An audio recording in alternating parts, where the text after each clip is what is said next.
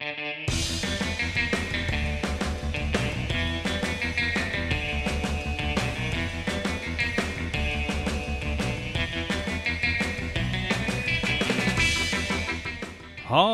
daar en welkom bij Studio Magic, de Nederlandstalige podcast over alles wat te maken heeft met Magic the Gathering. Dit is aflevering 34 en vandaag zijn we aanwezig op de Cube Vitational. Het toernooi dat ontsproten is aan het brein van Thomas Kronen. En Thomas Kronen, die ken je misschien nog uit aflevering 31, want toen was hij te gast om te vertellen over zijn Cube en over de Cube Vitational. Uh, hallo Thomas, kun jij misschien nog even vertellen wat de Cube Vitational ook alweer is? Hallo Jeroen, ja, leuk om uh, terug te zijn op uh, de podcast. Ik, ook, ook heel leuk dat het eindelijk uh, 16 november is, datum waar ik samen met Arjan enorm naar toe heb, heb gewerkt. Ja, want Arjan, even tussendoor, is niet alleen mede-host van Studio Magic, maar heeft ook een eigen Cube. En die werkt met jou samen eigenlijk aan de Cube Invitational. Ja, en dat is het, het eerste jaar nu. En dat zat al zat iets langer in de pijplijn, waarom dat ik het een goed idee vond om voor het tiende jaar dus het, uh, het uh, tiende jaar dus. Uh, om, iets, om, iets, om iets groter te maken leek het me leuk om samen te gaan werken. Dat betekent dat we met 32 man spelen. Die beginnen s ochtends aan vier pods van acht die twee verschillende cubes draften. En dan gaat per tafel gaat steeds de helft door naar de volgende ronde. Dat doen we twee keer. Dat zijn dus de mensen die 2-1 of beter gaan. En aan het eind hou je dan acht man over en die spelen s'avonds nog een finale met alleen mijn cube. Ja, en we spelen dus met de cube van Arjan en de cube van Thomas. Een cube, zoals we al eerder hebben besproken in Studio Magic, is eigenlijk ja, je eigen Magic set. Hè. Je hebt je eigen Magic set gecureerd als het ware. En Arjan heeft hetzelfde gedaan. Dat heeft twee verschillende cubes opgeleverd. En daarmee ga je dan uh, eigenlijk draften. Als ik het goed begrijp, ja, je zei het net ook al, het zijn 32 spelers, vier tafels, twee cubes en uiteindelijk één uh, trofee. Wat krijgt uh, de winnaar nog meer? Um, de gehele top 4 die plaatst zich voor volgend jaar. En die mogen een, uh, daarnaast ook een uh, basic landje signeren uit uh, de cube. En alleen de winnaar die krijgt een token. En vergat ik, voor de hele top 4 staat ook een beker klaar. Nice. En ja, al die mensen... Die... Iets aan toevoegen. Um, um, omdat de helft afvalt, spelen we middags ook nog qualifiers. Er komen ook twee winnaars uit en die plaatsen zich ook meteen voor volgend jaar. Dan hebben we meteen zes man staan. Want wij zijn wel voornemens om nu ook met 32 man verder te gaan. Dus ook volgend jaar weer minimaal 32 spelers in de eindronde. Nou, dat is een mooi nieuwtje dat je toch weer even meepikt in Studio Magic. Um, kleine scoop. Ja, klein scoop. Um, het hele jaar door hebben mensen zich eigenlijk kunnen kwalificeren. En het is een invitational, dus ook een paar mensen zijn, uh, zijn uitgenodigd. Kun je iets vertellen over het deelnemersveld? Wat voor soort spelers uh, hebben we hier vandaag? Want het niveau ligt volgens mij vrij hoog. Ja, uh, het is, um, we zitten niet voor niks in de Theeklaver in Amsterdam. Spellencafé? Zeker.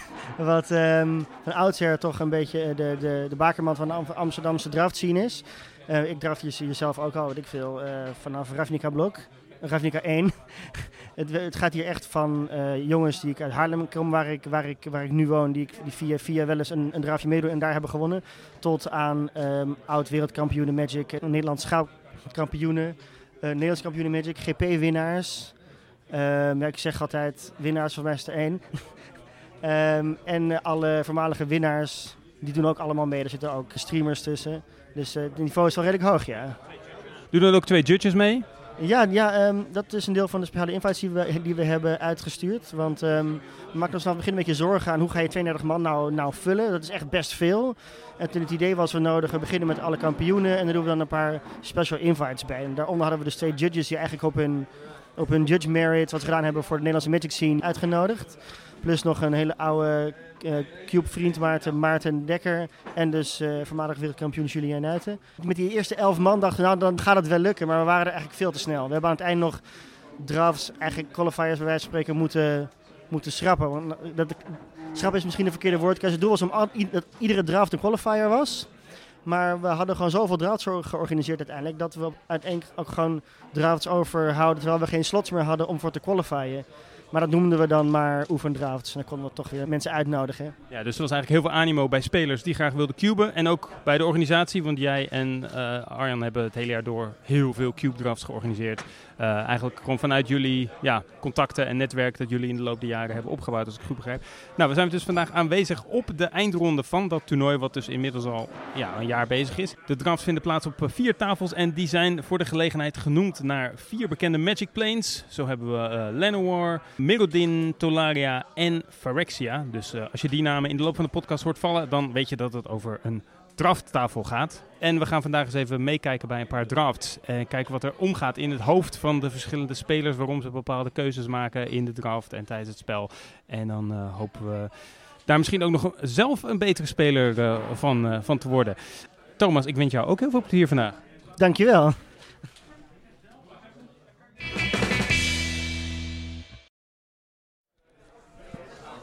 Geert, goed om je weer te spreken. Weer bij een Cube, Cube Draft. De Cube Invitational dit keer. Um, ik heb met jouw draft meegekeken. En uh, jouw eerste pick ging tussen een Carn Liberated, Burning, Burning of Zinje en een Birds of Paradise. Ja, dat was inderdaad een beetje de keuze. Dat was een beetje een slechte booster eerlijk gezegd. Dus een beetje undefining allemaal voor, voor formats of voor kaarten. Wat uiteindelijk denk ik de doorslag gaf was dat de Burning of Zinje was de enige rode kaart in de pack. Dus dat is uiteindelijk waarom ik die kaart heb gekozen. En omdat die gewoon goed werkt in zowel artifacts decks als ram decks. Dus, en dat je veel creature decks in deze cube zeg maar, daarmee te lijf kan gaan. Dus ik dacht, nou, dan pikken we dat gewoon als, als eerste. En dan zien we verder wel uh, waar het naartoe gaat. En hoop je dan ook rood een beetje te, te kutten op die manier? Uh, wel, wel een beetje inderdaad. Dat niet iemand achter mij ook in die kleur gaat zitten, zodat ik uh, bepaalde rode kaarten eruit haal. Maar in principe maakt dat voor deze kaart wat minder uit, want hij doet het namelijk niet in de meeste rode decks. Het is eigenlijk een kaart die het alleen maar goed doet in, in, eigenlijk in de artifact decks. Ik heb je daarna wat, uh, inderdaad wat artefacts zien uh, kiezen. Ever, Everflown Chalice was je tweede pick. Een Charcoal Diamond is volgens mij een, uh, is een artefact. Maakt ook mana, toch? Artefact is een artefact wat mana maakt. Het maakt niet uit dat hij zwart maakt, inderdaad. Het is gewoon, ja, maakt mana.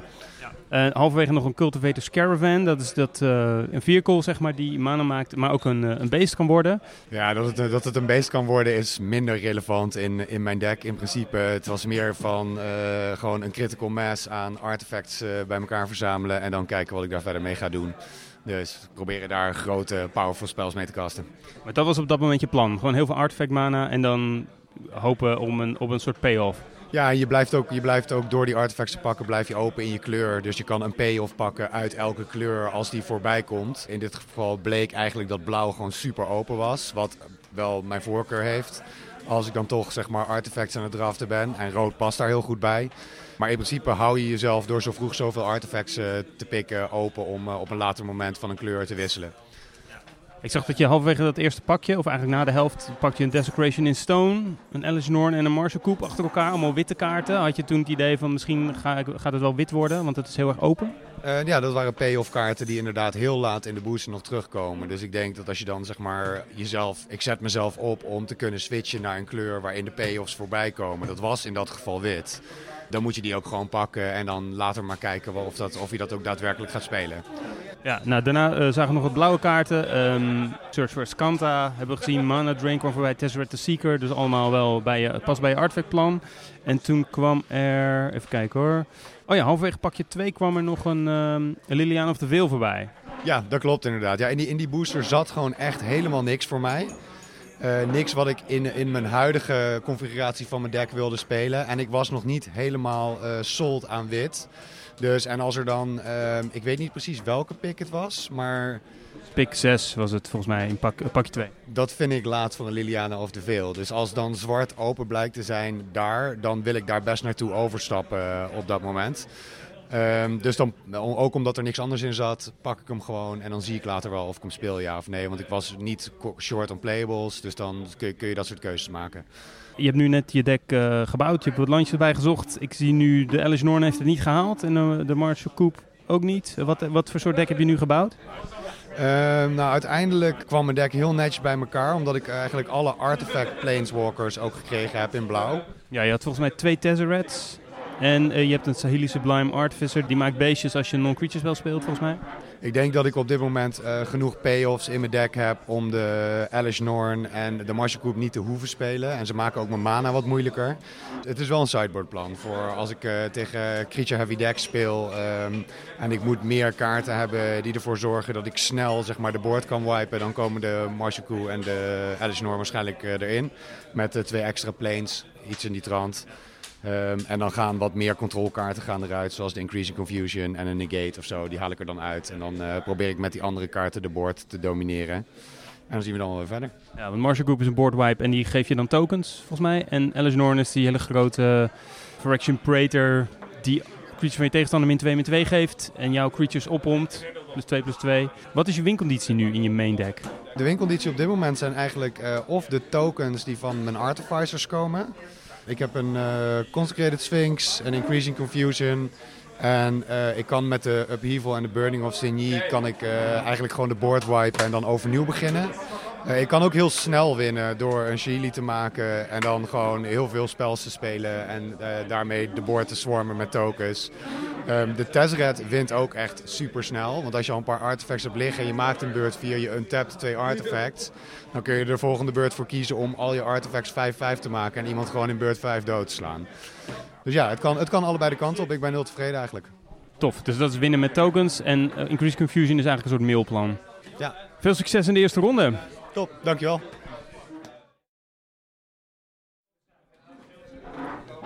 Ik ben aangeschoven bij uh, Daan Pruit. Die zat schuin tegenover Geert in de eerste draftronde. Dag Daan, hoe, uh, hoe verliep je draft? Nou, het was lastig. Ik begon met een uh, Urza Lord High Artificer, hoe heet dat ding? Maar ik zag al vrij snel dat dat niet helemaal de juiste richting was. Ik heb een Recurring Nightmare doorgegeven. En daar werd ik meteen voor gestraft doordat ik Survival of the Fittest doorkreeg. Maar uiteindelijk heb ik een uh, groene, zwart-wit uh, creature aristocrats-achtig dekje gedraft. En uh, ben benieuwd wat het gaat worden tegen Geert. Ja, je moet inderdaad tegen Geert. Daar heb je wel vaker mee aan tafel gezeten. Wat verwacht je van de eerste match? Nou, Geert heeft wel een handje van uh, wat uh, Spicy Brews uh, draften. Dus een stormdekje of een of ander artifact deck. Of Splinter Twin. dus ik, heb, ik heb eigenlijk geen idee, maar ik verwacht dat zit een beetje in zijn range. Dus ik heb ook wat sideboardkaarten gedraft met het oog op meer controlachtige strategieën. Dus ik heb een duress vrij hoog gepakt, zodat ik in elk geval wat manieren heb om zijn uh, voorkeurstrategie aan te vallen. Ja. En denk je bij draften dan ook aan je allereerste tegenstander? Of, of maak je dat helemaal niet uit? Ben je gewoon met je eigen deck bezig? Doorgaans ben ik vooral met mijn eigen deck bezig. Het komt niet zo vaak voor dat je in een formaat als Cube, waar je zo'n brede range aan kaarten hebt, ook nog speelt tegen mensen van wie je enigszins de voorkeuren kent. Dus uh, in dit geval, omdat, ik, omdat Geert uh, wel vaker meedoet, kon ik wel een beetje daar rekening mee houden. Laatste vraag. Doe je ook wel eens hate drafts tijdens het draften? Dus picks waarmee je tegenstanders min of meer dwars zit? Zelden, maar het komt natuurlijk wel eens voor dat er echt heel weinig in zit voor jou. Dus dan heb je drie medium kaarten en nog een dubbellandje. En dan pak ik toch maar een dubbellandje, omdat dat de hoogste upside is waarschijnlijk voor degene naast me. Succes in de eerste ronde.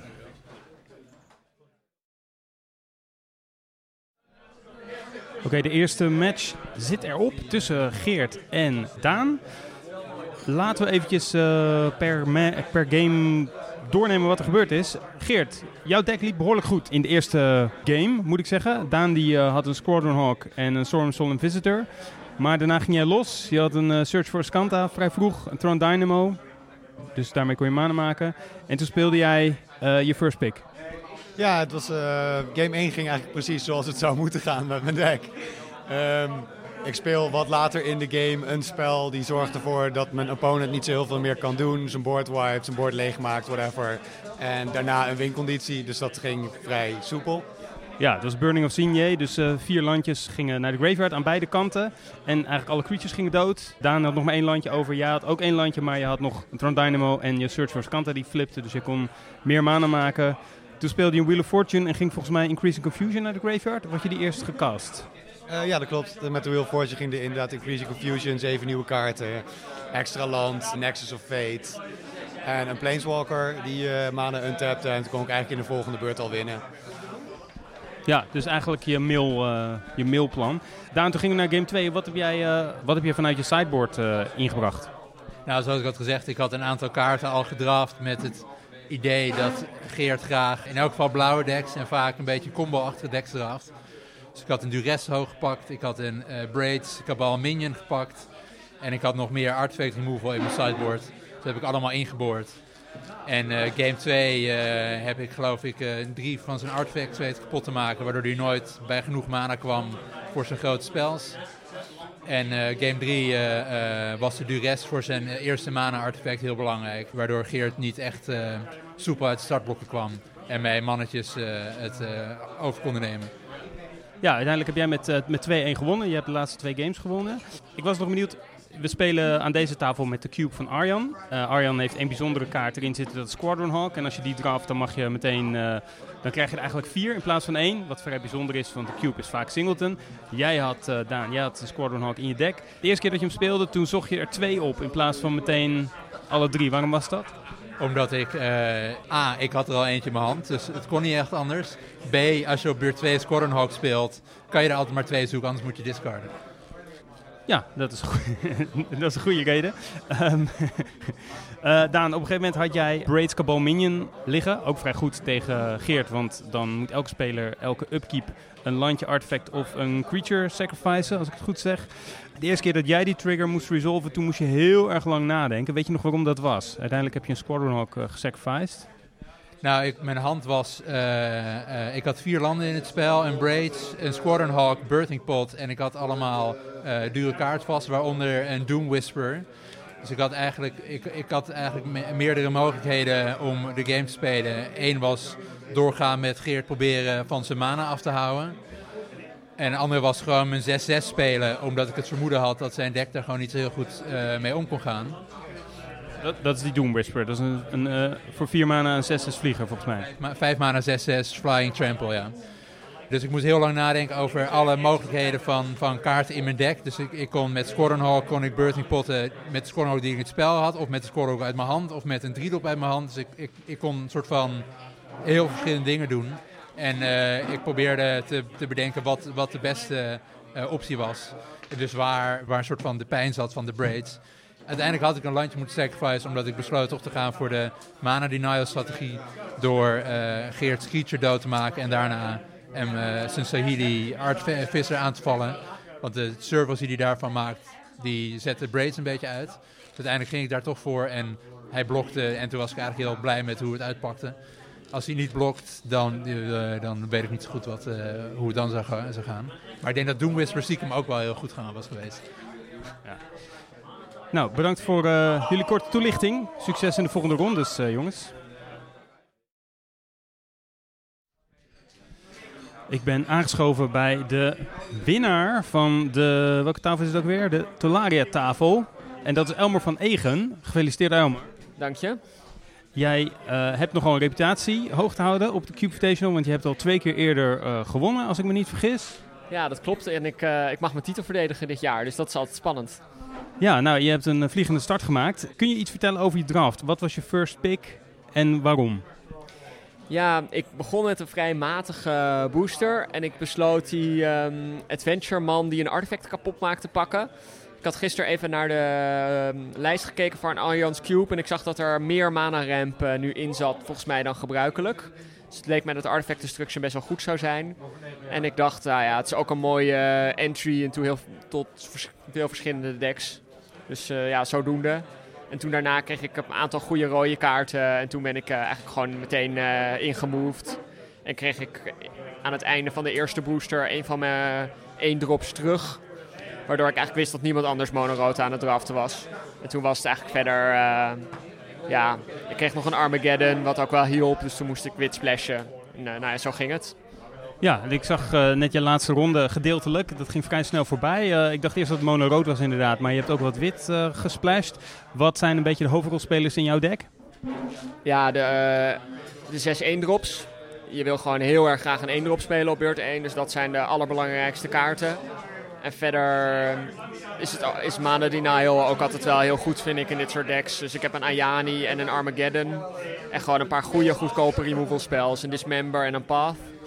Dus uh, ja, ik had eigenlijk gewoon alles wat ik wilde, als ik heel eerlijk ben. En is dit nou een beetje jouw comfortzone, zeg maar? Een agressieve rood deck? Of speel je meestal andere decks? Of maakt het je eigenlijk helemaal niks uit? Nou, het maakt me niet zoveel uit. Ik ben niet zo heel erg van de hele funky combo decks. Maar uh, in principe verder alles uh, is oké. Okay. En uh, speelden alle potten ongeveer hetzelfde? Of moest je ook nog hele um, ja, aparte lijnen, zeg maar, uitdenken? Nou ja, je hebt meestal niet zo heel erg veel keuzes als je zo'n deck speelt. Maar de keuzes die je maakt, maken vaak veel uit. Maar ik had op zich één wel interessante pot eh, in mijn eerste ronde. Dat mijn tegenstander een Kikijiki had gezocht, maar hem vervolgens niet speelde. En toen zat ik daar met mijn vijf mana. En toen dacht ik, ja, dan moet hij haast wel Pestermite hebben. En ga ik dan nu de rest van de pot mijn 3 damage spel openhouden. Toen besloot ik toch maar om zoiets te doen. Maar toen bleek hij hem niet te hebben en speelde die beurt daarna alsnog zijn Kiki. En toen, nou ja, toen was ik weer, zeg maar, unlocked om alles te doen wat ik in mijn hand had. Maar het was wel interessant geweest als dat nog een paar beurten door was gegaan. Uh, of ik dan mijn uh, twee mana elke beurt had uh, opengehouden. Ja, eigenlijk een soort van mindgame dan. Als iemand zo'n combo piece zoekt en jij dan je removal daarop, daarop moet openhouden. Als je nou aan zo'n draft begint, heb je dan van tevoren een plan van dit ga ik doen of dit wil ik forceren? Nee, het is meer gewoon welke kaarten krijg ik in de eerste drie, vier. Er zijn gewoon, ik vind er zijn een paar kaarten die echt heel goed zijn in bepaalde archetypes. En die ook je nodig hebt om bepaalde archetypes te zijn. En daar zoek ik een beetje naar. Ik vind bijvoorbeeld Armageddon is echt zo'n kaart. Ik vind niet dat je wit Weenie kan spelen zonder die kaart. En dat rode decks er ook echt beter van worden. Maar bijvoorbeeld een kaart als Kreterhoef of zo, als je die vroeg krijgt, dan weet je ook dat je dat groene deck kan bouwen. Dus die groene doorstampkaart, alles eh, plus geven en, uh, en beuken maar, zeg maar. Ja, er zijn gewoon een paar kaarten die niet echt goed te vervangen zijn in bepaalde archetypes. En dat zijn de kaarten waar ik in het begin vaak naar op zoek ben. Is er nou een bepaalde kaart, bijvoorbeeld in, in dit deck, waarvan je denkt dat is een kaart die veel mensen onderschatten, terwijl ik hem best wel waardevol vind? Nou, ja, volgens mij weet iedereen wel dat Goblin Rebel Master heel goed is. Die maakt tokens elke beurt en die had je volgens mij ook in de laatste game uh, op tafel. Ja, het is meer, hij, wordt ook groter hè, door al die tokens die je krijgt. Hij krijgt dus 1 plus 0 van al je goblins en die kaart die doet zo snel zoveel damage. Dat uh, ja, als die niet weggehaald wordt, dan is het echt, uh, echt een beating. Dus ik denk dat dat, dat echt maar in de, in de orde van kaarten waar je echt mee moet dealen, denken niet veel mensen aan deze kaart. Maar hij hoort er wel echt bij. Nou, gefeliciteerd met je overwinning op de Tolaria-tafel. En uh, succes in de volgende ronde.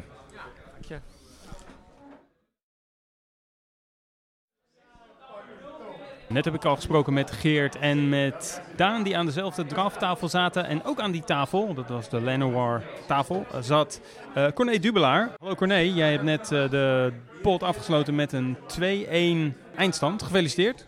Dankjewel, ja, ik ben ook weer blij mee. Je bent door naar de volgende ronde, dus uh, je, je, maakt nog kans op de Cube Invitational titel. Ik ben even benieuwd hoe jouw draft gegaan is. Ik merkte al vrij snel dat ik uh, goede blauwe en rode kaarten doorkreeg. En dat werd eigenlijk een soort van Jeskai control deck.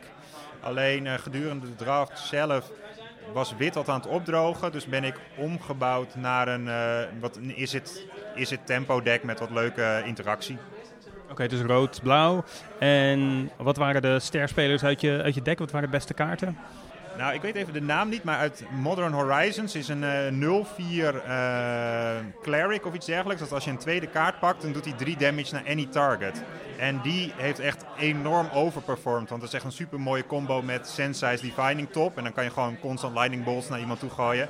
En die heeft echt, dat was mijn all-star. En ik had ook uh, standaard goede kaarten zoals Jace Prince Prodigy en Snap Custom Mage. En die hebben het gewoon hartstikke goed gedaan. Maar met name die ene kaart, ik weet de naam niet meer, vond ik echt een topkaart. Cool. Is hij niet de Throne of Eldraine? Daar zit zo'n thema in van uh, tweede kaarten trekken. Oh, misschien is dat. Het was in ieder geval een nieuwe kaart die ik niet kende.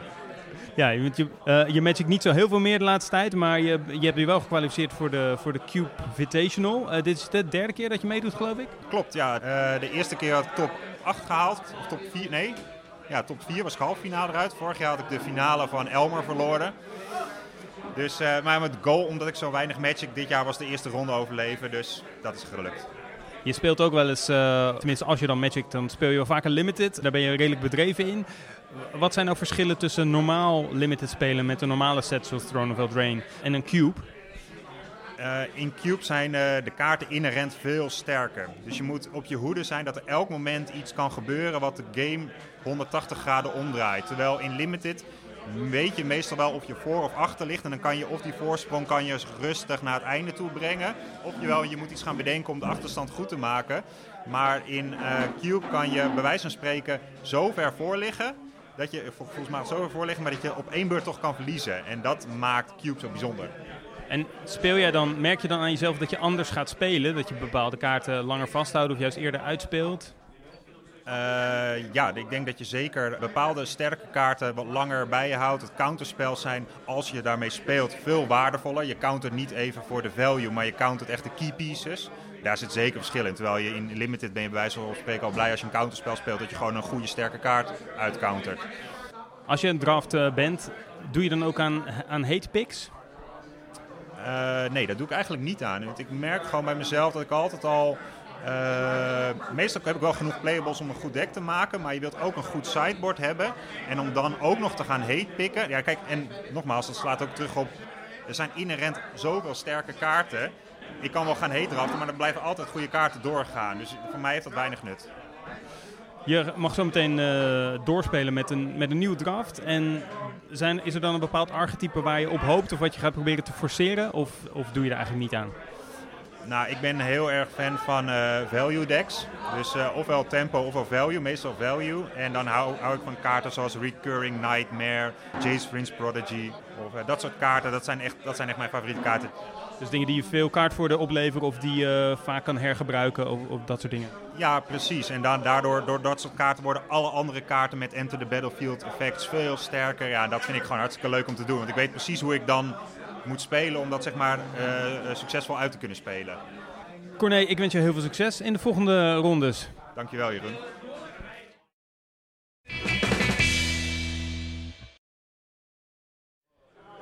We zitten nu even tussen een paar rondes in en ik ben tegengekomen uh, Dustin de Leeuw. Hallo Dustin. Hallo. Leuk om je weer hier uh, te zien. Jij bent ooit te gast geweest. Je was volgens mij alle, onze allereerste studiogast in uh, Studio Magic. En nu ben je ja, uitgenodigd om mee te doen aan de Cube Invitational. Mm, je hebt er al een paar potten op zitten. Hoe gaat het tot nu toe? ten eerste vind ik het heel gaaf om hier te zijn. Het is um, de tweede keer in een jaar tijd dat ik Magic speel. De vorige keer was een oefenpotje met deze cube. En uh, ja, dus ik, ik, ken de Cube door en door, want ik heb gewoon een keer mee gespeeld. Het is meer dan kan zeggen van enige andere set die is uitgekomen in 2019. Uh, ik judge heel graag en dit is mijn tweede keer dit jaar dat ik Magic speel. En het is een hele bijzondere ervaring en het is ook best intimiderend om aan tafel gezet te worden met twee voormalige wereldkampioenen. Ja, want jij zit aan tafel bij Julian Nuiten en bij wie nog meer? Bij Ruud. Ah, Ruud van Warmerhoven. Ah, oké, okay, wauw. Ja, dan uh, zat je in een zware pot. Um, voordat we gaan bespreken hoe het jou is vergaan tijdens het spelen, hoe, hoe verliep je draft? Wat was je first pick en waarom? Mijn first pick? Uh, Kijk nu, Dustin kijkt nu heel verschrikt. ja, dit is echt heel gênant, maar het is zo lang geleden. Ik kan me niet herinneren. Ik heb geen flauw idee meer. Oké, okay, dan um, even over je deck zelf. Wat voor soort deck heb je uiteindelijk gebouwd en, en waarom? Ja, ik, ik heb een deck gebouwd waar ik helemaal niet van hou en wat ik ook niet heel erg goed kan spelen. Zonder groen erin? Zonder groen. Het is nog veel erger dan dat. Ik speelde blauw en zwart. Dat is wel heel ver uit jouw comfortzone volgens mij. Want als ik me goed herinner van wat je hebt verteld in onze eerdere podcast, uh, is uh, dat jij uh, zeer groot fan bent van de kleur groen. Dat is eigenlijk de enige kleur die voor jou telt. Je hebt ook een groene trui aan om alvast je tegenstanders een beetje angst in te boezemen en te zorgen dat jij in die kleur kan gaan zitten, denk ik. Hoe ben je in, toch in andere kleuren terechtgekomen? Ja, degene voor mij zat in groen. Dus ik heb pakje 1 geen groene kaart gezien. Wel een hele hoop goede blauwe en zwarte. Dus ja, ik ben toch maar gaan volgen wat de draft mij voorschotelde. Best wel een redelijk dek gehaald. Echt uh, niet ontevreden mee. Maar uh, ja, niet groen, niet eens rood, niet eens wit. Het zijn de twee minst favoriete kleuren uit Magic. Maar ik heb ermee gespeeld. En ik heb volgens mij heel netjes geluisterd naar uh, wat de pakjes mij vertelden dat ik moest doen. Dus dat achievement heb ik maar mooi weer gehaald. Oké, okay, ja, je hebt uh, in je carrière natuurlijk met menige uh, uh, top, topspeler kunnen ja, meekijken, zeg maar, tijdens, als judge. Wat is het thema van je deck? Ja, um, jeetje, wat een ingewikkelde vraag. het deck was legaal in het formaat, dat kan ik sowieso zeggen. Altijd mooi meegenomen. Ja, het was een beetje mid-rangey, value-achtig dingen. ik had een paar 5 en 6 drops die best wel powerful waren. Er zat wat ramp in wat artifact ramp. In in, oh, oké, okay, ja, artifact ramp. Ja, want op zich zijn zwart en blauw niet de, de rampkleuren bij uitstek. Nee, nee, absoluut niet. Maar ja, ik, ik, moet toch wat als groene speler. Dus ik had twee, twee mana, mana stenen en twee drie mana, mana stenen. Uh, waaronder een uh, caravan crew-achtig ding. En uh, ja, het zag er allemaal best goed uit. Lekker ramp en dan toch mijn dikke beesten uitpoepen. Want dat is waar ik wel van hou. En uh, ik had een paar dikke beesten die ik wilde uitpoepen, waaronder Shield Red. Dus ja, nee, dat, dat, ik had een plan. Ik had een plan. Oké, misschien moeten we even naar de cijfers gaan. Wat, eh, hoe, hoe verliepen de rondes? Nou, mijn doel van vandaag was een match te winnen. En dat is me gewoon zwaar gelukt in de eerste ronde al. Gefeliciteerd. Ja, dankjewel. Daar was ik ook heel blij mee. Ik dacht, nou, ik heb bereikt wat ik wilde bereiken. Ronde 2 wordt vast en zeker makkelijk. Toen mocht ik tegen Ruud. Een van de wereldkampioenen, ex-wereldkampioenen. Ja, dus dat was uh, geen makkelijke matchup. Potje 1, beurt 2 speelt hij Ancestral Recall. Kaarten trekken.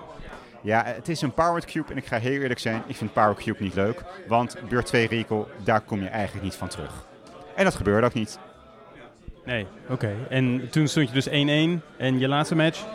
Ja, uh, potje 2 tegen Ruud was ook geen potje. Uh, ik ga beurt 1 Swamp, beurt 2 Swamp Sinkholes een enige landje. Nadat hij gemuggend had naar 5. Dus dat was geen Magic. En potje 3 speelt hij weer op beurt 2 Ancestral Recall. Wauw, oké. Dus zijn deck deed eigenlijk wat het moest doen en toen heb je verloren. Ja, en dat is niet erg, want dat, dat was ingecalculeerd. Uh, ronde 3, dat was heel spannend, dat was de bubble match. Uh, de mensen die namelijk tenminste twee matches winnen, die mogen door naar de volgende draft van de. Uh, potje 1 was spannend. Potje 2 was uh, totaal niet spannend, want het ging helemaal nergens over. Uh, mulligans over en weer en uh, het was gewoon stom. Dus potje 3, echt 1-1 in matches, 1-1 in games. Dit was de bubbel van de bubbel. Hier draait het allemaal om. En tegenstander gaat beurt 1, landje, mox, explore. explore, oh ja, dan mag je extra landje spelen. Dus hij had meteen vier, vier mana sources eigenlijk liggen. nou, drie. Oh ja, drie, ja, oké. Okay. Dus daar ben je er eigenlijk ook afgegaan met je. Ja, dus dat was heel kansloos, want beurt 2 ging volgens uh, Kodamas Reach plus een mana elf. Nou, hij had beurt 3, untapped hij met 6, 7 mana beschikbaar. Uh, dat was een gespeelde game. Heb je nou toch nog een leuke dag? Ja, ja, ja. Um, ik heb een match gewonnen. Ik heb gewoon een match gewonnen. Ja, gefeliciteerd daarmee. Uh, komt er dan hierna nog een soort van verliezerspool eigenlijk? Hoeveel werkt dat op de Q-Invitational, weet je dat? Ja, gelukkig wel. Dat is echt top georganiseerd. De mensen die uh, twee of meer matches winnen, die mogen door naar de tweede ronde van de Q-Invitational. Voor alle losers is er nog een extra draft, uh, de Q-Invitational Qualifier. Dus ja, ik kan nu nog gewoon 3-0 gaan met qualifier voor volgend jaar. Dat is in een optie. En het goede nieuws is, we gaan nu niet met Thomas de Cube, maar met Arjan de Cube draften. Dus geen power. Oké okay dan. Ja, dat is dan jou op het lijf geschreven. Veel succes daarmee. En hopelijk uh, lukt het dan wel om een monogroen deck te, te draften. En uh, dan zien we je hopelijk op de volgende Cube Invitational weer terug. Het is heel simpel. Deze draft speel ik voor de fun, dus ik ga groen forcen. Klaar. Heb ik een plezier. Dankjewel. Jij ook bedankt. De eerste draftronde heeft een schifting opgeleverd. En iemand uh, die door is naar de volgende ronde en dus nog kans maakt op de Cube Invitational titel, de tiende, uh, de tiende editie van de Cube Invitational. Dat is Thijs de Cler. En Thijs, jij bent, als ik het goed begrijp, ook de winnaar van de allereerste Cube Invitational ooit. Dat klopt. Heb je daarna nog uh, vaker meegedaan? Ik uh, denk dat ik bijna elke versie daarna mee heb gedaan. Niet elke, voor zover ik weet, maar wel de meeste. Heel tof. Ik heb net even meegekeken met jouw draft. Het lijkt me leuk om daar even kort doorheen te lopen. Want ik ben wel benieuwd waarom je bepaalde keuzes hebt gemaakt. En hoe jij uh, die draft hebt er ervaren. Om maar meteen bij het eerste pakje te beginnen. Je opende uh, onder andere een Island of the Great Revel. Daarvan zei je meteen, dat vind ik stom. Uh, dus mono, mono rood ga je dan eigenlijk op? Ja, dat vind ik gewoon een saai drafttype. En zelfs als we hier voor de knikkers spelen, blijf ik het gewoon belangrijk vinden dat ik een leuk deck speel. En dus geen mono rood. En volgens mij twijfelde hij ook nog tussen Survival of the Fittest en ik zag een Liliana The Last Hope en een Mystic Confluence. Die heb je uiteindelijk gepakt. Waarom? Liliana, daar twijfelde ik niet echt over, maar tussen de Mystic Confluence en de, uh, wat was het, Survival, daar heb ik wel tussen getwijfeld. Het zijn allebei gewoon hele goede eerste picks, uh, maar echt allebei precies een verschillend deck. Ik heb uiteindelijk gekozen voor de blauwe kaart. Even kijken, daarna heb je volgens mij een landje gekozen, een Deathrite Shaman, vrij snel ook. En even kijken, toen Prismatic Vista, Brazen Borage, ook weer een blauwe kaart. Uh, had je toen al het idee van ik ga mono blauw spelen of ik ga de blauwe kant op? Wat, wat dacht je toen? Nou, ik uh, hoop graag mono blauw te spelen. Of in ieder geval blauw met een uh, tweede kleur erbij. Helaas zat dat er niet in. Nee, ik zag je heel uh, erg op je hoofd krabben en door je de hele tijd tussen de, de picks door nog even door je, door je paal gaan van wat heb ik ook weer allemaal en welke kant gaat het op. Doe je dat altijd of was het gewoon een extra moeilijke draft dit keer? Dat was omdat het een lastige draft was. Ik kreeg niet echt een duidelijk signaal van rechtsdoor waar ik iets mee kon. Dus ik heb uiteindelijk de beste kaarten gepakt van dat moment. Dat waren voornamelijk uh, bij gebrek aan betere kwaliteit landjes. Daarmee hou je nog je opties open in mijn idee. Um, uiteindelijk heb ik daar ook nog wat kleine beestjes bij gepakt. En dan kom je uiteindelijk op een vijf kleuren beestjesdek uit. En dat is meestal niet heel goed. Dus ik heb het daarna eh, teruggebracht naar drie kleuren. En hopelijk zal dat nog één of twee matches eruit kunnen slepen. Echter ben ik niet van overtuigd dat mijn deck heel erg goed is. Helaas. Ik zag wel eh, een paar kaarten, nou ja, bijvoorbeeld een Restoration Angel, waarmee je creatures kan blinken. Een eh, Angel of Invention, wat dan weer goed is om te blinken, want die kan tokens maken bijvoorbeeld. Met de Restoration Angel mag blinken. Oh ja, we doen non-angels. ja, dat werkt niet echt goed samen. Nee, oké. Maar wel een Elspeth Sun Champion, dus een goede Planeswalker. Wat, wat is uiteindelijk een beetje het, het thema van je deck eh, geworden? Het thema van mijn deck is eigenlijk opposition met een heleboel kleine beestjes en wat eh, disruption in de vorm van counterspells. Eh, en hopelijk gaat dat net aan genoeg zijn. Het heeft alleen niet een hele erg grote reach. Dus ik moet ergens in de midgame weten te winnen. Als dat niet gaat lukken, dan gaat elk sterk cube deck gewoon over me heen. Die heeft gewoon betere kaarten. Ja, eh, ongeveer halverwege het derde pakje, of in het begin van het derde pakje, kreeg je een, een Meloku de eh, Clouded Mirror. En toen werd je vrij enthousiast. En je had daarna een Opposition. Wat, wat doen die kaarten en waarom vond je het fijn om die nog door te krijgen? Nou, een uh, vind ik uh, van oudsher een hele leuke kaart. Voornamelijk omdat je hem neerlegt en de beurt daarna gewoon je hele landje, je hele bord, al je landjes kan oppakken en gewoon een heleboel 1-1's uh, kan maken. Ervaring leert dat dat best regelmatig nog gewoon wint. Um, combineer dat met een opposition en dan kan je gewoon al je tegenstanders landjes en beestjes steppen en dan heb je gewonnen. Dus is dat je belangrijkste win condition? Opposition is denk ik de allerbeste kaart in mijn deck. De belangrijkste. Thijs, ik wens je heel veel succes en ga gauw beginnen aan de ronde, want je tegenstander zit al te wachten volgens mij. Dus bedankt dat je nog even tijd wilde maken en um, wellicht uh, tot straks nog. Dank je.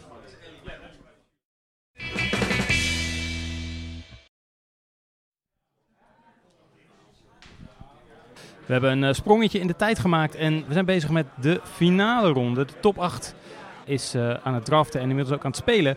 Elmer van Egen, die spraken we al eerder. Die stond toen 3-0 en inmiddels heeft hij dus de finale tafel bereikt als enige speler met 6-0. Gefeliciteerd Elmer. Dank je. En ik heb net even meegekeken met jouw draft voor deze ja, top 8 draft eigenlijk. Uh, en ik heb daar wel een paar vragen over. Ik ben benieuwd hoe het voor jou uh, verliep. Wat, wat is je gevoel over de draft als geheel? Ja, op zich wel een aantal goede kaarten gekregen. Ook wat uh, een mox, dus daar kan ik nooit ontevreden over zijn. Wel hinkt mijn deck een klein beetje op twee gedachten, wat wel ja, een beetje ingewikkeld is. Oké, okay, nou daar komen we misschien zo op. Jouw eerste pick was uh, een uh, Torrential Gearhulk. Dat was in een pakje met onder andere Figure of Destiny, een Tyler's Tracker, een Search for Tomorrow. Nou, dat is denk ik geen first pick. Uh, een Liliana, ik weet niet precies welke dat was. Maar waarom dan de Torrential Gearhulk?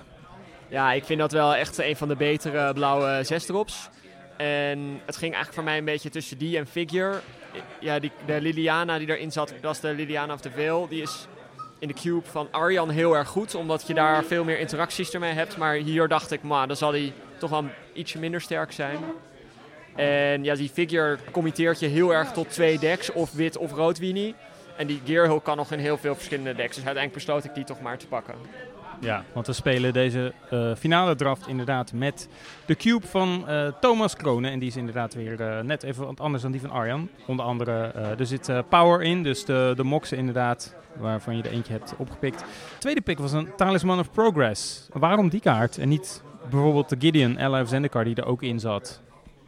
Ja, ik zat wel te twijfelen. Ik vind Gideon wel echt een hele goede kaart. Maar die talisman is wederom wel veel flexibeler. En snelle mana is gewoon heel goed in blauwe decks. Dus ik dacht, ja, het is gewoon een kaart die ik sowieso heel graag in mijn deck ga willen. Oké, en toen was er een punt, dat was pick 5. Toen kon je kiezen tussen Entreaty Angels, een Lightning Strike en een Earthshaker Kenra. Dus twee rode kaarten en Entreaty Angels, wat dus eigenlijk gewoon ja, een game winnende witte kaart kan zijn. Toen moest je heel lang nadenken. Weet je nog waarom dat was? Ja, ik had op dat moment volgens mij uh, de pick daarvoor een Goblin Rebel Master uh, doorgekregen die ik gepakt had. En ik had als enige witte kaart een Ojutai. Uh, en ik weet niet zeker of ik de Prophetic Bolt die ik la of die laat. Nee, die kwam daarna. Ja, maar die, die Torrential Gearhulk is natuurlijk wel beter in blauw-rood dan in blauw-wit. En zo'n soort van tempo deck met, die, met zo'n 3 damage kaart of met die Kenra. Of dat ik toch nog mono-rood inga, waren allemaal wel opties voor mij. En ik vind Entreat is wel een goede kaart, maar als je geen manier hebt om je uh, library te manipuleren, dan is hij moi. Dus je dacht, ik neem die en dan kijk ik of er nog een, eh, een Jace voorbij komt of een Brainstorm of iets in, in die geest. Ja. Twee picks later had je een Jace from Prodigy, die pakte je heel snel. Ja, echt een geschenk. Ik vind dat echt een hele goede kaart. Ja, duidelijk. Eh, Prophetic Bolt kwam daarna. Nou, dat, dat- toen zat je ook al een beetje met eh Torrential Gearhawk inderdaad, dat dat gewoon een goede combo is, want dan kun je hem dus eigenlijk gratis spelen vanuit je graveyard.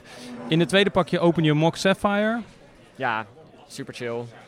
Een no-brainer. En halverwege dat pakje had je achter elkaar een Flametongue Kavu, een Frost Titan en een Inferno Titan. En die pak je allemaal heel snel. Ja, ik vind die, die Titans die zijn gewoon heel sterk. Het is toch belangrijk om een paar hele goede kaarten in je deck te hebben om een game mee te winnen. Zeker als je niet een heel agressief deck bent. Dus dat was soort van... Ja, de derde had ik misschien niet per se nodig. Maar de, eerste en de tweede goede zes mana kaart denk ik heel waardevol. En ik, die Flametongue Kavu was precies het soort kaart wat ik wilde. Ook met een aantal bounce effecten wat ik al had. Ja, dat is een hele goede kaart in zo'n tempo deck. Ja, want je had volgens mij ook al een... of kwam dat later pas?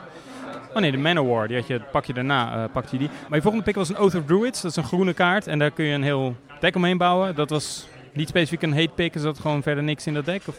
Ja, er zat niet echt iets in. Ik dacht, als iemand nou blij wordt van deze kaart, dan word ik er heel ongelukkig van. Dus eh, prima. En Is It Charm, die kwam toen voorbij. En dat was een kaart waar je volgens mij daarvoor al, eh, die, die had eigenlijk gewheeld. En toen je die opende, of toen die voorbij kwam de eerste keer, toen zat je volgens mij al een beetje erover na te denken, of niet? Ja, ik had, het, ik had nog echt te weinig instants op dat moment om mijn, eh, mijn, mijn Torrential Gearhulk en ook mijn Snapcaster Mage goed te maken. Dus ik, ik had wel wat extra instants nodig en ik dacht ook wel dat ik die kon wheelen. Maar ik was wel heel blij dat hij terugkwam, want eh, ik had die kaart echt nodig. Ja, en in het laatste pakje kreeg je als derde pick, had je een pakje met Emrakul, eh, een Crystal Shard, een Thing in the Ice. En toen moest je even goed nadenken, toen ging je nog even door al je eerdere picks heen. Weet je nog waarom dat was? Wa- Waarom je daarover moest nadenken? Nou, ik zat even te kijken hoe goed die Crystal Shard was met mijn eigen creatures. Maar ik had best wel wat creatures al waar die goed mee was. Want ook met die Adventure Man is hij heel goed. Ik heb bijvoorbeeld die Artifact Adventure Man, maar dat wordt ook gewoon een, eh een, een Uktabi Orang Utang, zeg maar. Dus eh, ja, ik had, die Crystal Shard was gewoon heel goed in mijn deck. Dus die moest ik pakken. En die Thing in the Ice kwam uiteindelijk nog een tweede keer door, want die zat in je deck. Ja, die, was, eh, die wilde ik wel graag spelen. Dus eh uit, was ik heel blij mee dat die terugkwam. En het laatste punt waar je nog heel lang moest nadenken was halverwege dat pakje. Toen twijfelde je tussen een Ancestral Vision en een Supreme Will. Dus Ancestral Vision is kaarten trekken als je hem gesuspend hebt eerst. En Supreme Will is eh volgens mij een counterspel en doet nog iets, een instant in elk geval. En toen moest je heel lang nadenken en toen heb je volgens mij toch de Supreme Will gekozen omdat hij goed is met Electro Dominance. Of nee, je, eh, Ancestral Vision is heel goed met Electro Dominance. Ja, ik, ik zat twijfelen. Ik vind Ancestral Vision is gewoon een betere kaart. Maar ik had nog steeds, ik had, ik had te weinig instants eigenlijk nog voor, die, eh, voor mijn Snapcaster en mijn Gearhulk en mijn eh Thing in the Eyes. En ik had ook een Young Pyromancer al. Dus, en die, die, die Supreme Will is wel heel lekker met, met die Snapcaster en die Gearhulk. Dus ja, voor synergieën toch maar die gepakt. En ik wilde die Electro Dominance die ik voor mijn sideboard had gepakt ook eigenlijk niet echt spelen. Want ik had al heel veel dure kaarten. Dus ja, om, ik had dan de combo gehad met Ancestral Vision, maar ik weet ook niet of dat helemaal van harte was geweest. Dus je hebt nu een, eh, ja, eigenlijk een, een dus een rood-blauw eh, ja, spels deck. Eh, wat zijn dan de twee gedachten waar je, waar je, waar je op hinkt? Ah, aan de ene kant heb ik ja, drie hele goede zes drops met een paar eh, mana stenen. En onder de, rest van mijn deck is inderdaad een soort van is het spels tempo deck met wat manowars en een young pyromancer en wat burn spells.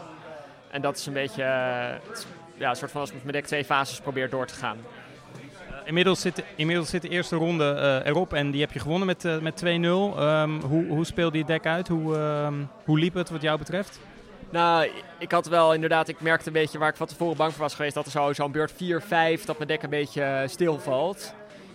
Maar ja, ik had mazzel dat mijn tegenstander ook geen fantastische kaarten pakte en dat eh, hij allemaal tokens maakte en ik mijn Thing into Ice kon flippen in één game, waardoor ik hem nou ja, totaal eh, ruïneerde.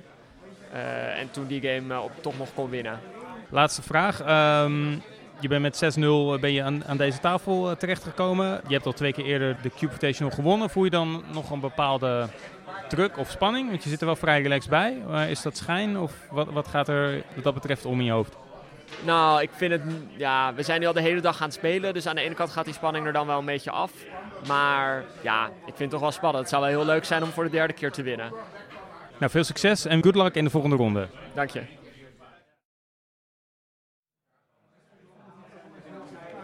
Ja, ik heb nog even een andere eh, speler eh, van de Cube Invitational gestrikt om wat vragen aan te stellen in Studio Magic. En dat is niemand minder dan Teun Zijp. Dag Teun. Hallo, goedenavond. Leuk, eh, leuk om jou een keer te spreken. Jij bent een van de twee judges die vandaag meededen. Dustin was, was uitgenodigd. Nou, die heb ik al eerder vandaag gesproken. En jij bent de tweede. Ik heb begrepen, jij judgt tegenwoordig eigenlijk niet meer. Vanwege druk gezinsleven onder andere. Ja, klopt. Ik zat eigenlijk even te tellen, want ehm, ik ben inderdaad ex-judge. Ik ben eh, tot eh, twee jaar geleden was ik eh, level 3. Toen bij de geboorte van de derde ben ik gestopt met judgen. Maar ik zit even rond te kijken. Er zijn nog wel meer ex-judges. Floris de Haan is level 2 geweest. Peter Florijn heeft heel lang gejudged.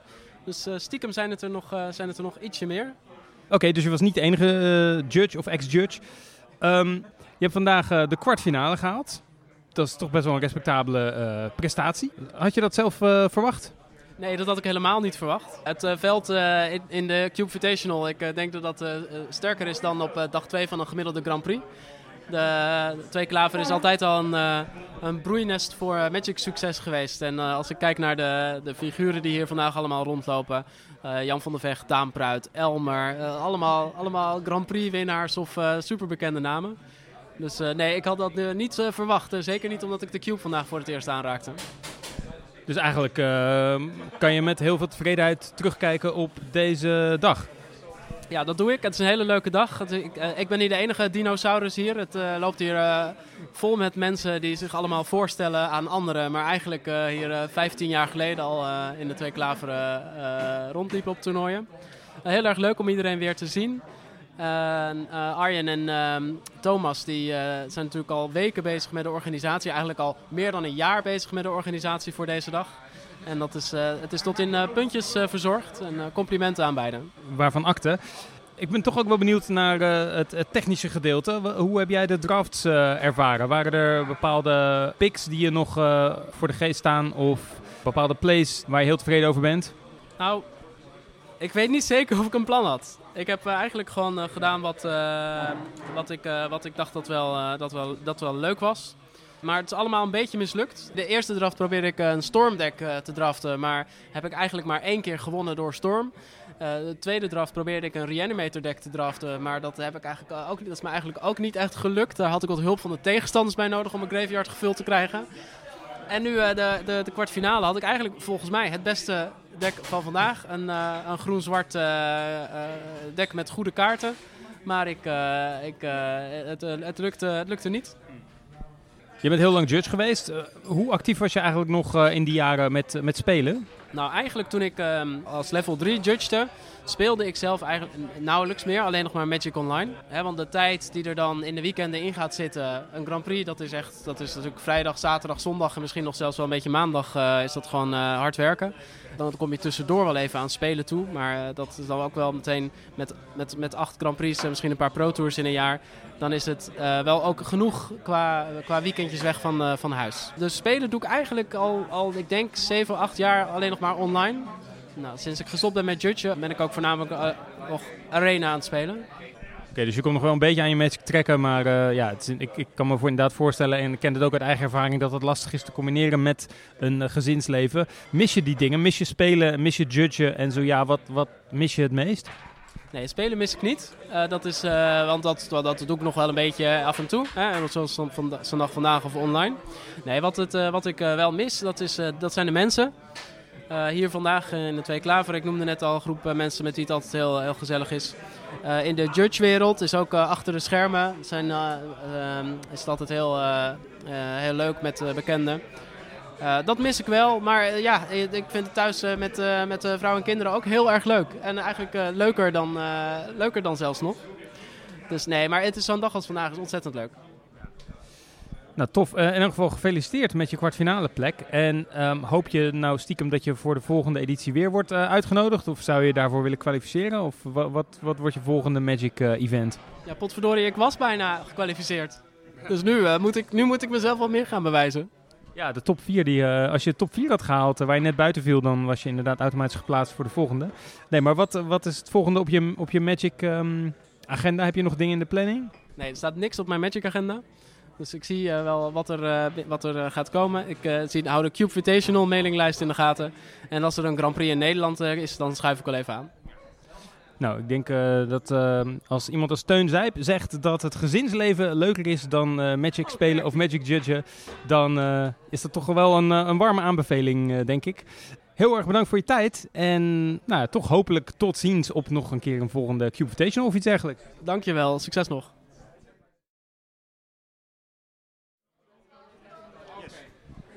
Ja, en we hebben een winnaar. Hij staat hier naast me. en hij is zijn jas al aan het aantrekken, want hij heeft een beetje haast. Thijs, gefeliciteerd. Dank je, dank je. Je tweede overwinning. Je won de allereerste Cube Invitational ooit. En nu won je ook de jubileumeditie, de tiende. Dus nu heb je ook eh, twee op je naam staan. Hoe voelt dat? Eh, best wel goed. Nou eh, sta ik gelijk aan Matthias en Elmer. En dat is een goede plek om te zijn. Precies, dus nu is de vraag wie wordt de eerste die er drie op zijn naam kan schrijven. Dus volgend jaar doe je natuurlijk weer mee, want dan ben je automatisch voor uitgenodigd. Ja, zeker. Hey, hoe verliep die laatste draft eh, eh, voor jou? Want ik heb je eigenlijk sinds de vorige keer eh, niet meer gesproken. Je bent toen 2-1 gegaan met dat deck waar je nog een beetje shaky over voelde, maar dat ging toch goed. Hoe, hoe ging de finale tafel? Nou, deze tafel ging perfect, aangezien ik eigenlijk na twee boosters mijn deck al min of meer compleet had. En dan zijn eigenlijk eh, de derde booster alleen maar bonusrondes. dan eh, pik je nog even een Soul Ring op in de derde booster en dan, eh, dan is je deck ineens broken. Ja, en ik zag ook zelfs een Black Lotus die je meerdere keren hebt kunnen casten. Wanneer heb je die opgepikt? Dat was pick 1 van de tweede pack. Oké, ja, dat is wel, dat is wel een duidelijke, een goede playable in Cube. Hey, en ehm, wat was je first pick? Weet je dat nog? Oeh, dat is een goede vraag. Volgens mij was mijn tweede pick een Recurring Nightmare. Mijn eerste pick weet ik niet meer uit mijn hoofd. Oké, maar in elk geval werd het een, het werd een groen-zwart ehm, ja, midrange deck eigenlijk. Maar ook met dus hele goede powerful ramp, zeg maar. Dat was het zeker.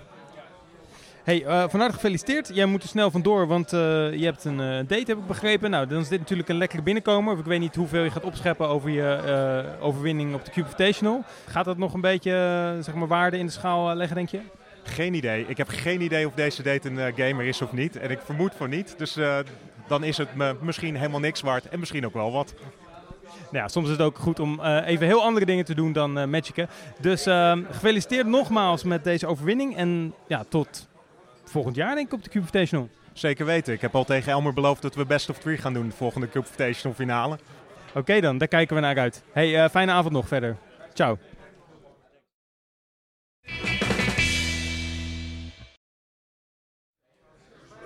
De Cube Invitational zit erop en ik zit hier aan tafel met de organisatoren.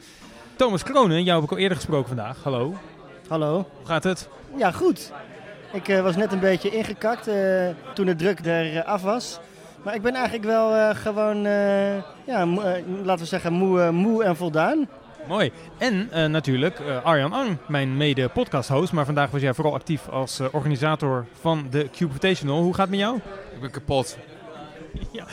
Je liep ook al, eerlijk op de dag liep je al een beetje te klagen dat het eh, best wel vermoeiend was. Maar volgens mij hebben jullie een heel mooi toernooi neergezet. Hoe kijken jullie er zelf op terug? Nee, ik ben erg tevreden. Ik had het met 32 man, had ik het toch wel, jeetje, cha chaotischer of trager of vermoeiender verwacht. Maar het bleef eigenlijk allemaal uit. Dus ik denk dat ik een soort, eh, een soort eh, pairing sheet had, had, had gemaakt waarin ik alleen maar wins hoefde in te vullen. Dat dat wel enorm hielp. Want ik weet van, van, van andere jaren dat klooien met seatings, dat toch altijd heel veel mentale druk en druk op, op, de, op de planning geeft. Dus nee, ik ben eigenlijk gewoon hartstikke blij. Ja. Dus je bent eigenlijk heel goed voorbereid en dat eh, wierp zijn vruchten af. Ja, dat, is, dat kan je wel zo dat kan je wel stellen, ja. Arjan, jij hebt wel vaker toernooien eh, georganiseerd. eh, FNM's en andere zeg maar, toernooien min of meer als hobby. En Cube Drafts natuurlijk. Hoe was dit voor jou? Want dit was eh, toch wel een redelijk groot evenement. Nou ja, eh, wat Thomas in het begin eigenlijk ook zei was van... Oké, er zijn nu 32 mensen, maar het lijken er wel 64. Als je die 32 mensen dan zo bij elkaar ziet, dan is, lijkt het er inderdaad gewoon heel erg veel. Dus in het begin is dat dan best wel eh maar eventjes heftig. En inderdaad, ik heb ook wel andere toernooien georganiseerd, ook met meer mensen. Maar eh, ja, het, het, het was heel gaaf om het zo te doen. Ja. Hebben jullie er ook wel van genoten eigenlijk? Want jullie hebben het nu vooral over de logistieke, ehm, hoe zwaar het logistiek eh, gezien was. Ja, dat komt bij mij eigenlijk later. Dan ga ik, want ik heb ook nog een hele sloot eh, op, eh, op, eh, op Twitter staan. Die ga ik nu wel het toernooi nog een keertje door. En het is nu toch heel erg eh, operationeel. Maar dan ineens dan over een maand of zo, dan is het echt zo van, oh, dat is toch wel echt, echt wel weer heel erg, heel erg vet. Het was vooral veel voorpret en wordt waarschijnlijk ook heel veel nagenieten. Maar tijdens het toernooi was je helemaal in de zone. eh. Ja, ja dat is wel, eh, ja, dat is, eh, dat, is, dat is het wel, ja. Hey, even over het toernooi zelf. Hoe vonden jullie dat de games en de rondes verliepen? Nou ja, overwegend is het allemaal goed verlopen. Een paar keer duurden matches wel een beetje te lang. Ja, want het was allemaal zonder timer. Het was meer, gewoon kijken hoe lang het duurt. Ja, we wilden mensen gewoon eigenlijk de vrijheid geven om gewoon wel gewoon te kunnen spelen. Ook omdat eigenlijk eh, draws, die waren in het systeem wat we hadden, niet echt eh, gewenst. En we hadden wel een beetje uitloop, maar alles bij elkaar is wel gewoon allemaal goed verlopen. En eh, ja, we zijn klaar voor dat twee klaver dicht gaat. En het lijkt nu, nu het allemaal gelukt is, lijkt het allemaal heel simpel. Maar we hebben echt wel van tevoren flink lopen puzzelen. Oké, wat kunnen we allemaal aan doen om het toernooi gewoon snel genoeg te laten verlopen? Ik, vind vind operationeel ook wel fijn. Met een normaal toernooi heb je iedere ronde heb je echt een nieuwe pairing. Maar al, al die spelers die weten toch wel hoe een draftpot werkt. Dus je hebt enorme pieken in de toernooidruk. En daarna zijn gewoon mensen, drieënhalf uur zijn ze gewoon met z'n achten een mini, mini toernooitje aan het, eh, aan, het, aan het doen. En dat geeft ook ons weer de ruimte om andere problemen die misschien nog zijn blijven liggen om dat op te lossen. Tokens opruimen of volgende drafts voorbereiden. Dus eh, ja, dat, eh, ja dat, lukt, dat lukt allemaal wel. Oké, het is duidelijk, jullie zitten, zitten heel erg in de organisatiemodus, wat ik heel goed begrijp. Maar waren er ook qua gameplay of qua drafts, waren er memorabele momenten die jullie hebben meegekregen van bepaalde picks of bepaalde plays? Wat ik heel cool vond, maar dat is eigenlijk een verhaal van Thomas, dat ik nu vertel. Dat is dat iemand eh, de keuze had tussen Oko of een Mox. Oh ja, de nieuwe Planeswalker inderdaad. Ja. En dat er voor Oko werd gekozen.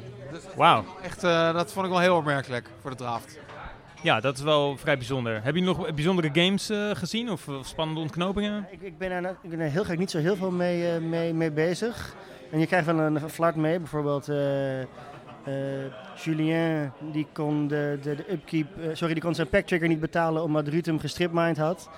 En dat is wat eigenlijk het, het extreemste voorbeeld van vandaag. Maar verder moet ik zeggen, ik, heb, ik, ik denk een paar dingen die ik gehoord heb, die waren een soort van een net, een net een tandje daaronder. Dus die ben ik eigenlijk weer vergeten. Die komen later wel terug. Want inderdaad wat je zegt, het is gewoon zo, zo operationeel.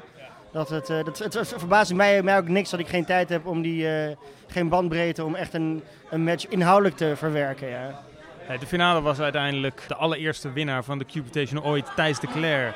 Tegen Elmer van Egen, die in elk geval de laatste editie heeft gewonnen van de Cubitational. En ook al eerder een keer had gewonnen, dus die had, eh, had al twee, eh, twee edities op zijn naam staan.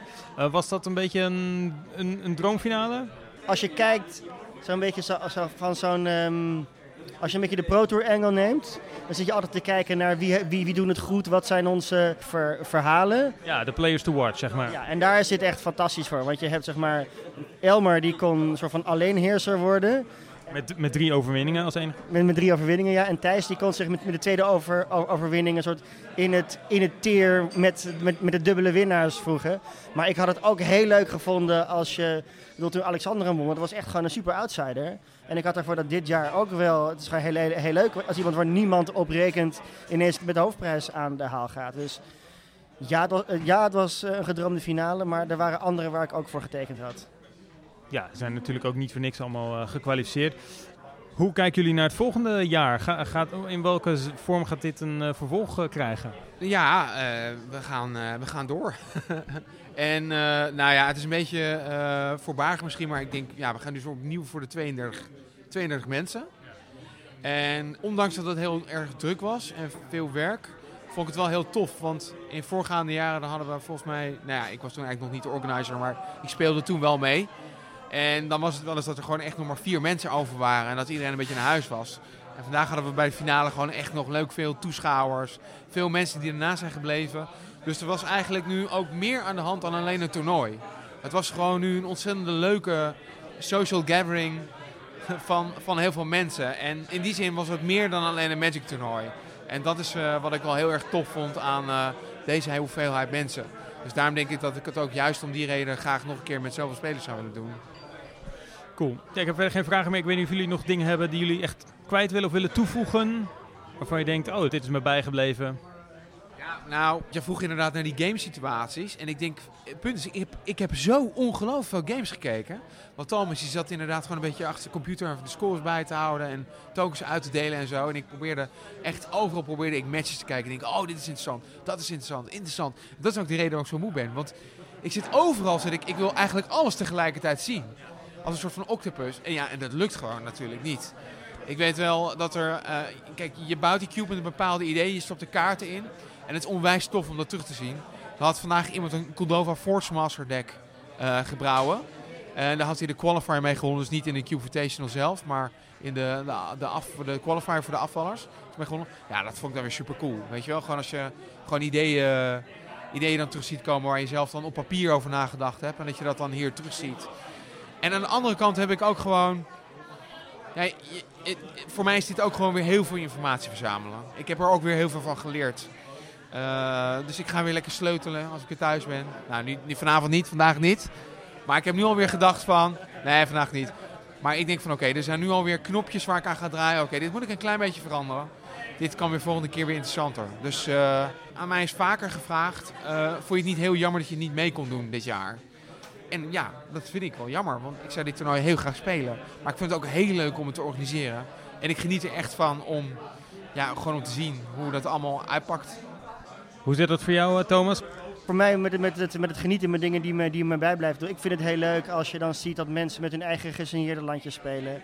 En zo'n idioot als, als Ruud die zijn eigen token gebruikt voor alles. Weet je, het is een 1-1 illusion, maar als je een 3-3 elephant maakt, dan pakt hij ook zijn eigen token. En ja, ook dan Thijs die finale won, die dan ook nog de Grave in zijn deck had. En dan loop ik ook gewoon langs. En ik vind het dan leuk om dan de zombies met zijn hoofd erop echt zo op tafel te, te smijten. Zo van, oh, er wordt weer aangevallen met een Grave Titan. Daar komen weer die Thijs zombies. En ja, dat vind ik dan eigenlijk leuker dan specifieke game states. Van ja, uit die combo. Dus dat is dan toch het, het, uh, ik weet niet, het, het plezier wat de spelers er dan toch ook dan wel echt uithalen. Dus dat is dan de grote de, de beloning eigenlijk. Cool. Nou, uh, complimenten voor de strakke organisatie en het leuke toernooi. Volgens mij heeft, heeft iedereen echt een topdag gehad. Ik zag allemaal uh, blije gezichten en uh, ook verliezers gingen super tevreden naar huis. Dus um, ik kijk zeker uit naar het vervolg. Wat dat betreft tot volgend jaar. Ja, wat Arjen ook zei, dat ze met 32 doorgaan. Ik denk ook, als je gewoon deze variant hebt meegemaakt, dan is er gewoon... Als je volgend jaar met 16 speelt, dan voelt het als een soort... Als een soort een stap terug. Ja, ja, dus volgens mij is het nu gewoon 32. Dat is daarom nu gewoon de nieuwe standaard. Ja, Thomas had het over 64, maar dan heb ik gezegd van nee, dat doen we niet. Thomas had het over Duitsland uh, erbij betrekken, toch? Ja, 2029 hebben we, hebben we uit België en Duitsland. Uh, dan doen er ook mensen, mensen uh, mee. Nou, je hoort het hier in Studio Magic, hoorde je het voor het eerst. In 2029 gaat het gebeuren. Um, dan is ook de halve podcast waarschijnlijk in het Duits, denk ik. Ja, ja goed. Cool. Hey, um, dank jullie wel. Tot de volgende keer. En ja, ik hoop dat het ook voor jullie luisteraars een beetje te volgen was. Het was een beetje een experimentele opzet dit keer. De hele aflevering bestond eigenlijk uit interviews. Dus ik hoop dat jullie toch iets, vooral van de sfeer van het toernooi, hebben meegekregen. En uh, ja, van de verhalen en de draft, gedachten en tips en tactieken die mensen allemaal hebben laten horen. daarmee zit deze 34e aflevering van Studio Magic er alweer op. Wil je meer horen? Wij zijn te vinden in iTunes en in Spotify. En daarnaast in Stitcher, TuneIn en andere populaire podcast-apps. Je kunt je daar gratis abonneren en eerlijke afleveringen beluisteren. Bijvoorbeeld aflevering 12 over de Cube van Arjan. Of aflevering 31 over de Cube van Thomas. Of onze interviews met mensen die je vandaag ook al hebt gehoord. Zoals Nederlands kampioen Daan Pruit of level 3 judge Dustin de Leeuw. Al die afleveringen kun je natuurlijk ook afspelen via onze eigen website studiomagic.nl. Je doet ons een groot plezier als je ons volgt op Twitter of liked op Facebook. Dan kun je ons ook vragen stellen of feedback geven. Op beide sociale netwerken heten we Studio Magic NL. De muziek die je hoorde is de track Surf Shimmy van Kevin MacLeod onder de Creative Commons licentie. Meer informatie daarover in de show notes. Bedankt voor het luisteren en tot de volgende Studio Magic.